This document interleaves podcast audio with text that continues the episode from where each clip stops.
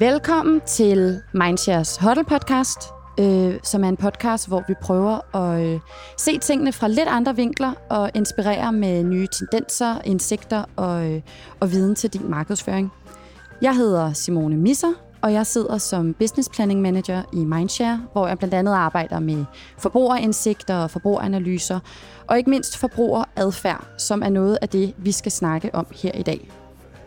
For i forbindelse med vores Hotel Huddle Anti-konference, som jo handler om, hvordan vi ligesom kan forbedre os selv og blive bedre mennesker, så skal vi nu snakke om klima. Og klima er jo øh, næsten i bogstavelig forstand et brandvarmt emne, kan man næsten godt sige. Øh, nyhedsaviserne skriver om det i døgndrift, om klimaforandringer, CO2-udslip, CO2-kvoter, klimaflygtninge, man kan blive ved.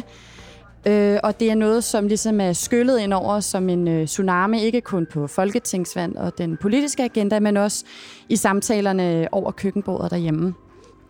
Øh, og mange af os bekymrer os om klimaet, øh, men udviklingen den går bare rigtig, rigtig langsomt. Og derfor så kunne vi godt tænke os at blive lidt klogere på, hvad man egentlig kan gøre for at blive en såkaldt klimakæmper, hvordan man ligesom kan blive klogere om klimaet, og hvordan man kan blive bedre til at snakke om det.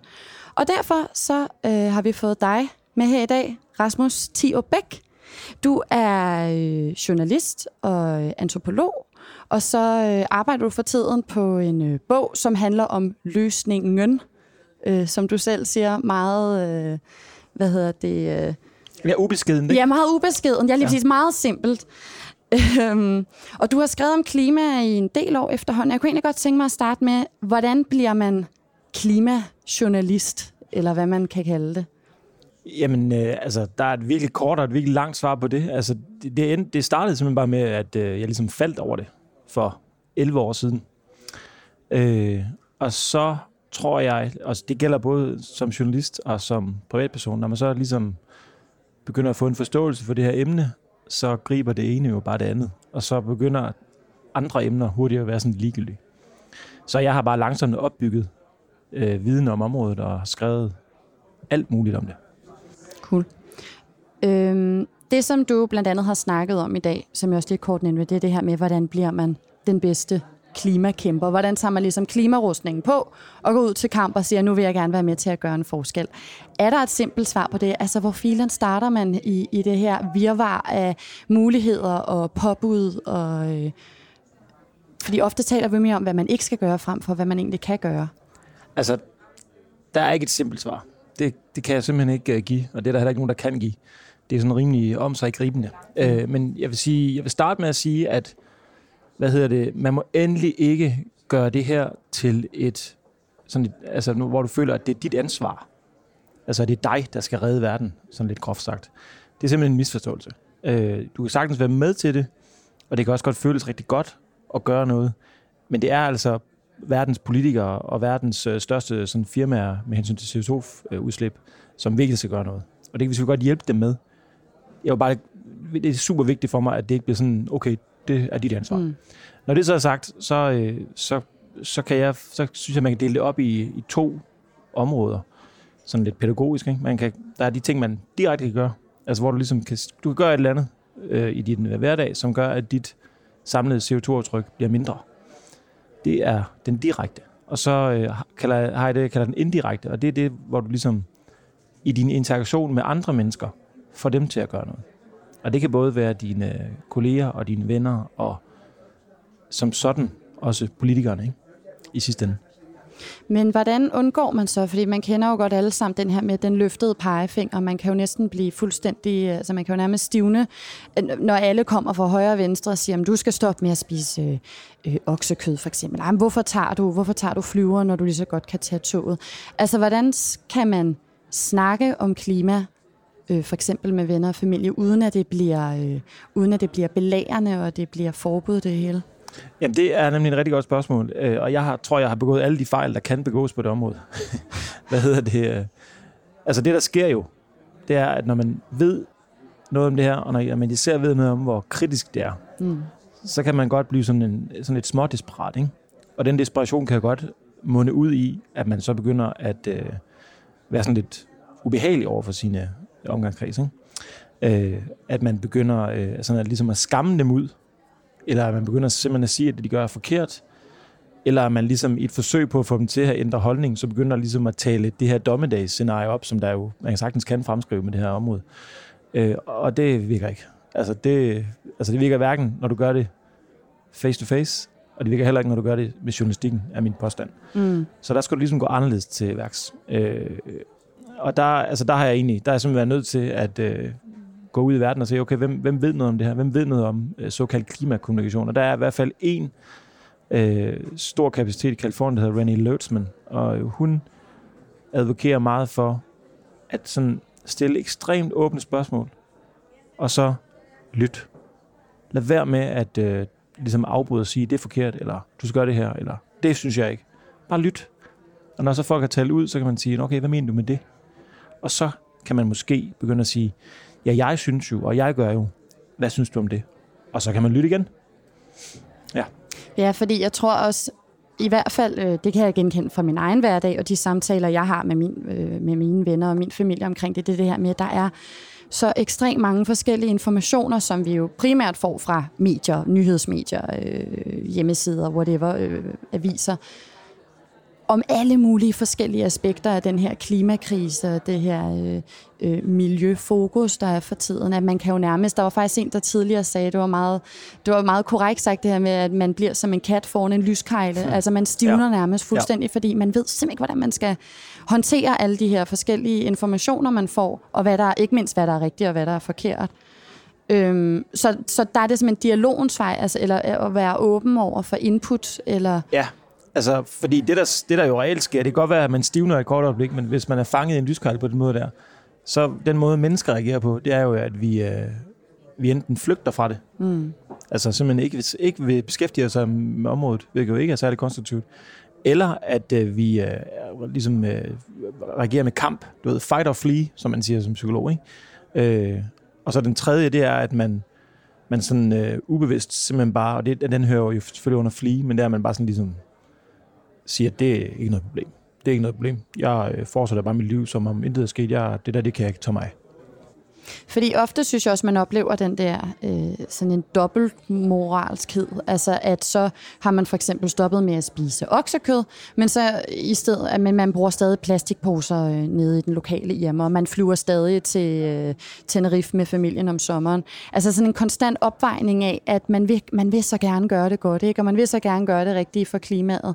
Men jeg synes, der er så mange ting i hverdagen nogle gange, der kan ligesom sætte en bremser for det, og oftest føler man det sådan en enten-eller løsning i forhold til at være en god klimakæmper, eller hvad man kan kalde det. Mm. Men altså, for det første skal jeg komme alle mennesker i møde og sige, prøv at høre, det her det er mega svært. Også fordi, ja. at vi har et samfund, der har indrettet mm. omkring fossile brændstoffer, det, og det gør det altså bare grundlæggende ret svært at agere uden om dem. Øh, når det er så sagt, så, øh, så er, der en, er der en masse at hente i simpelthen at blive klogere på, hvad der betyder hvad.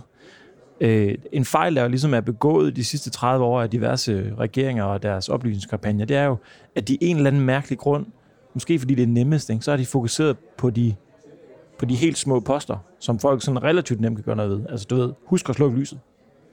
Tag korte bade. Mm. Øh, affaldssortering. Og det er alt sammen fint nok, men, men hvis man så tror, når man så øh, tager korte bade og er sådan super anal med at slukke for lyset, hver gang man forlader et rum, og er virkelig god til at affaldssortere. Hvis man tænker, sådan, så har jeg sgu øh, fikset det, så er det bare virkelig ikke rigtigt. Fordi de tre poster er enormt, er enormt små i dit samlede CO2-regnskab. Så du er nødt til at kigge på de der de fire store, jeg ved ikke, om vi skal tage dem nu, eller vi kan tage dem senere, men der er fire store poster, og det er dem, man på en eller anden måde er nødt til at forholde sig til. Ja. Men lad os tage dem nu. De, de ja. fire, fire store poster, ja. siger du. Ja. ja. Uh, skal jeg se, om jeg kan huske posternes i hovedet. Altså, jeg kan huske de fire, men jeg, der, vi starter med den første. Det er at skrue ned for dit forbrug af kød. Ja. Den er rimelig simpel, og den tror jeg også, de fleste efterhånden godt har forstået. Og man kan også godt gøre det nemmere. Altså, jeg, jeg, prøv at høre, jeg, jeg, er, jeg kan godt lide kød. Det er ikke mm. fordi, at jeg øh, tænker, uh. Men, men man kan starte med at sige, okay, jeg spiser ikke oksekød. Eller jeg spiser ikke oksekød på nær den ene gang om året, hvor øh, det er juleaften eller ja, juleaften. Ja, og sådan, ja. Ikke? Og så sørger jeg jo for at bare købe det allerbedste øh, også der findes, når jeg gør. Og så er jo et spise, altså man kan sagtens spise mindre jo og sådan noget, ikke? Men det allerbedste er selvfølgelig at være med at spise oksekød. Det er, hvis jeg, det kan jeg faktisk godt huske, det er 0,8 ton i gennemsnit per dansker om året. Man kan spare, ikke? Mm. Så kan man holde op med at flyve. Hvad hedder det? Eller man kan måske overveje, om alle de flyveture, man tager om året, tager om året øh, hvad hedder det, er det er nødvendige. Ja. Det kan man sige, det der at hoppe ind, at stige ombord på en flyver, det er den enkeltstående mest CO2-handling, du kan foretage. Øh, tur og tur til New York, det er 1,8 ton, ikke? Du kan droppe den, så er du altså nået rigtig mange gange i forhold til øh, LED-pærer og sluk for lyset og affaldssortering osv. Ikke? Øh, og den tredje, det er at enten helt droppe din bil, som vist nok er 2,8 ton, eller at skifte en elbil, mm. som er 1,5. Det skal jeg lige tjekke, men det er deromkring, ikke? Ja, ja, ja. Det, det, er den, det er en større sort. Så, så, så, altså, det, er de, det er de tre sådan, ikke nemme, men det er til at gå til. Og så er der den, den øh, fjerde, som øh, er super kontroversiel, men som man ikke desto mindre synes, at man skal vide det, ikke? Og det er, da, da, da, da, få et barn mindre. og, og det, det, er bare, altså, det er bare et politisk harakiri at sige det, ikke? Men altså, man, man, man kan jo godt overveje, okay, sk- måske skal vi bare skal vi stoppe på to skat, ikke?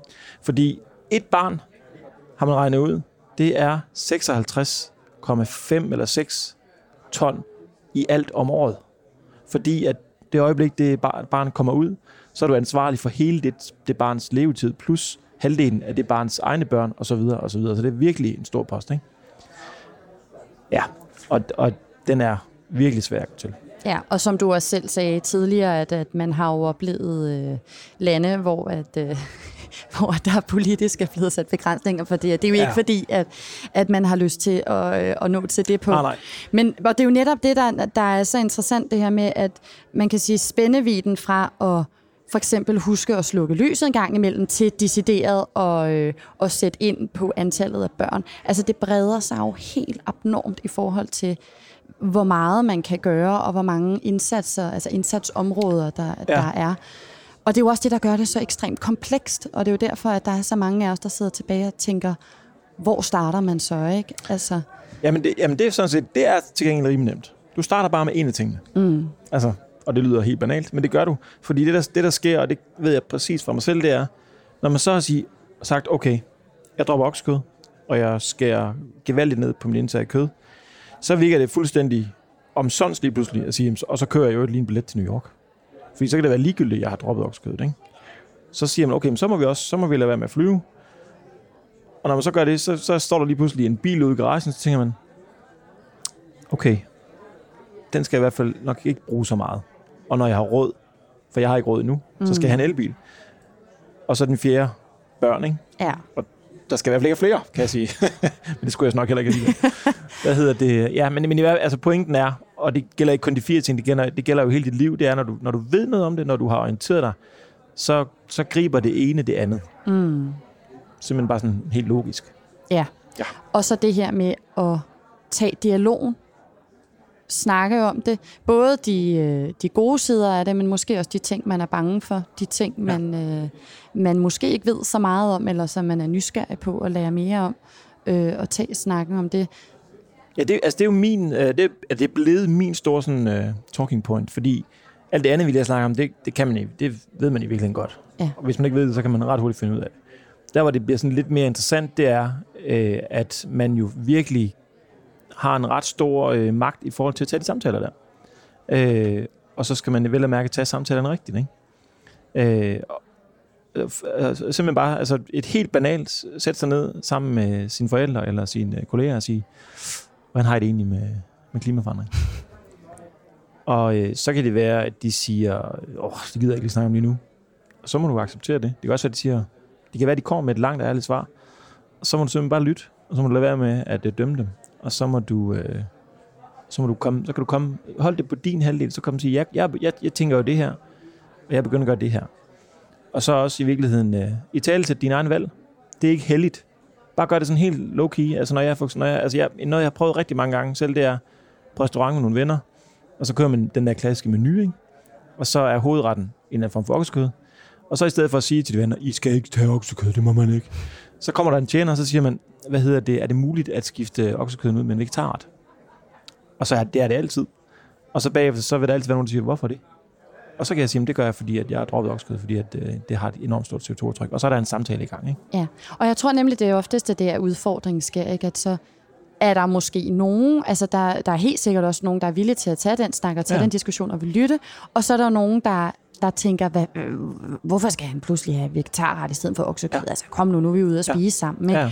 Og det er jo den der balance, eller det er i hvert fald den, jeg kan genkende fra min egen hverdag. Jeg synes, det er en ekstremt svær balance nogle gange at finde mellem, at jeg jo som privatmenneske gerne vil nyde mit liv, og jeg vil gerne øh, øh, bruge mine penge på mig selv mm. og på nogle gode oplevelser, som for eksempel nogle gange at spise et lækkert stykke kød, eller ja. Ja. tage til New York, eller, eller hvad det nu ellers kan være, der er lidt på fyldlisten, eller i hvert fald ja. rent klimamæssigt er på fyldlisten.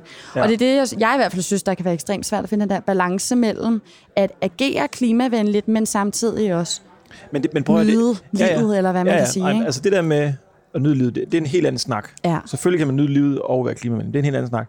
Men, altså, men, men når man lige tænker over det, så er der, også, der er der så også virkelig forskellige måder at reagere på, når, når, du, når du kommer i den der konflikt der, hvor du er lidt bange for. Altså, vi danskere er jo simpelthen så bange for at skabe dårlig stemning. Ja, ja. Jeg, øh, vi har en meget, meget god filosof i Danmark, der hedder Rasmus Willig. Han, øh, han, han, han snakker det der med, at der er ligesom en, der er et paradigmeskift i gang. Ikke? Og det er de unge mennesker, som gerne vil gøre noget der, og når de så kommer hjem til deres forældre og siger, mor, jeg ved godt, du har stået to timer i køkkenet og lavet rigtig lækker mad, men jeg har holdt op med at spise oksekød. Øh, så, øh, så vil der selvfølgelig komme en, en, en reaktion fra mor, ikke? og måske også fra far. Og så er der jo, så er der jo der er stor forskel på, at man så siger, jamen det er mor, det er fordi, jeg synes, du er mega gammeldags, og du ødelægger planeten, og hvad fanden tænker du på, ikke? Eller så bare sige, mor, mor jeg er virkelig ked af det. Øh, det, det må du bare huske næste gang. Det er ikke, for, det er ikke, det er ikke noget med dig at gøre, jeg bare holder op med at spise oksekød. Vil du gerne høre, hvorfor? Ikke? Altså, du ved, der, der er rigtig stor forskel på, hvordan man kan føre en dialog der. Og det er man bare nødt til at være rigtig meget opmærksom på, for at skabe en forandring. Ja. Så det, vi skal tage med os, det er, at vi skal snakke om det. Vi skal ikke kun snakke om det, vi skal snakke åbent og ja. Fordomsfrit om det. Ja, tak. Og så skal vi måske også blive bedre til at lytte nogle gange, og ikke være så hurtige til at komme med pegefinger i den ene eller den rigtige, eller en eller anden retning. Men være villige til at, at høre, hvordan andre mennesker agerer, og hvorfor de gør, som de gør. Og også være villige til måske at lære af det, eller ikke lære af det, alt Mm. efter hvad man, Ja, er, ja. i, hvad, hvad Ja. man er i humør til. Ja. Øh, og så blive en bedre klimakæmper Ja. på den måde. Og det sjove er, at alt det, du lige har sagt, det fungerer også i et parforhold. Ja, sjovt nok. sjovt nok, så kan man tage den med. Lad være med at spise oksekød. Sådan der. Det er opskriften til øh, at blive en god klimakæmper og øh, at blive en god partner. Det synes jeg, vi skal tage med os fra i dag. Yes, Det er godt. Tusind tak for det, Rasmus. det var så lidt.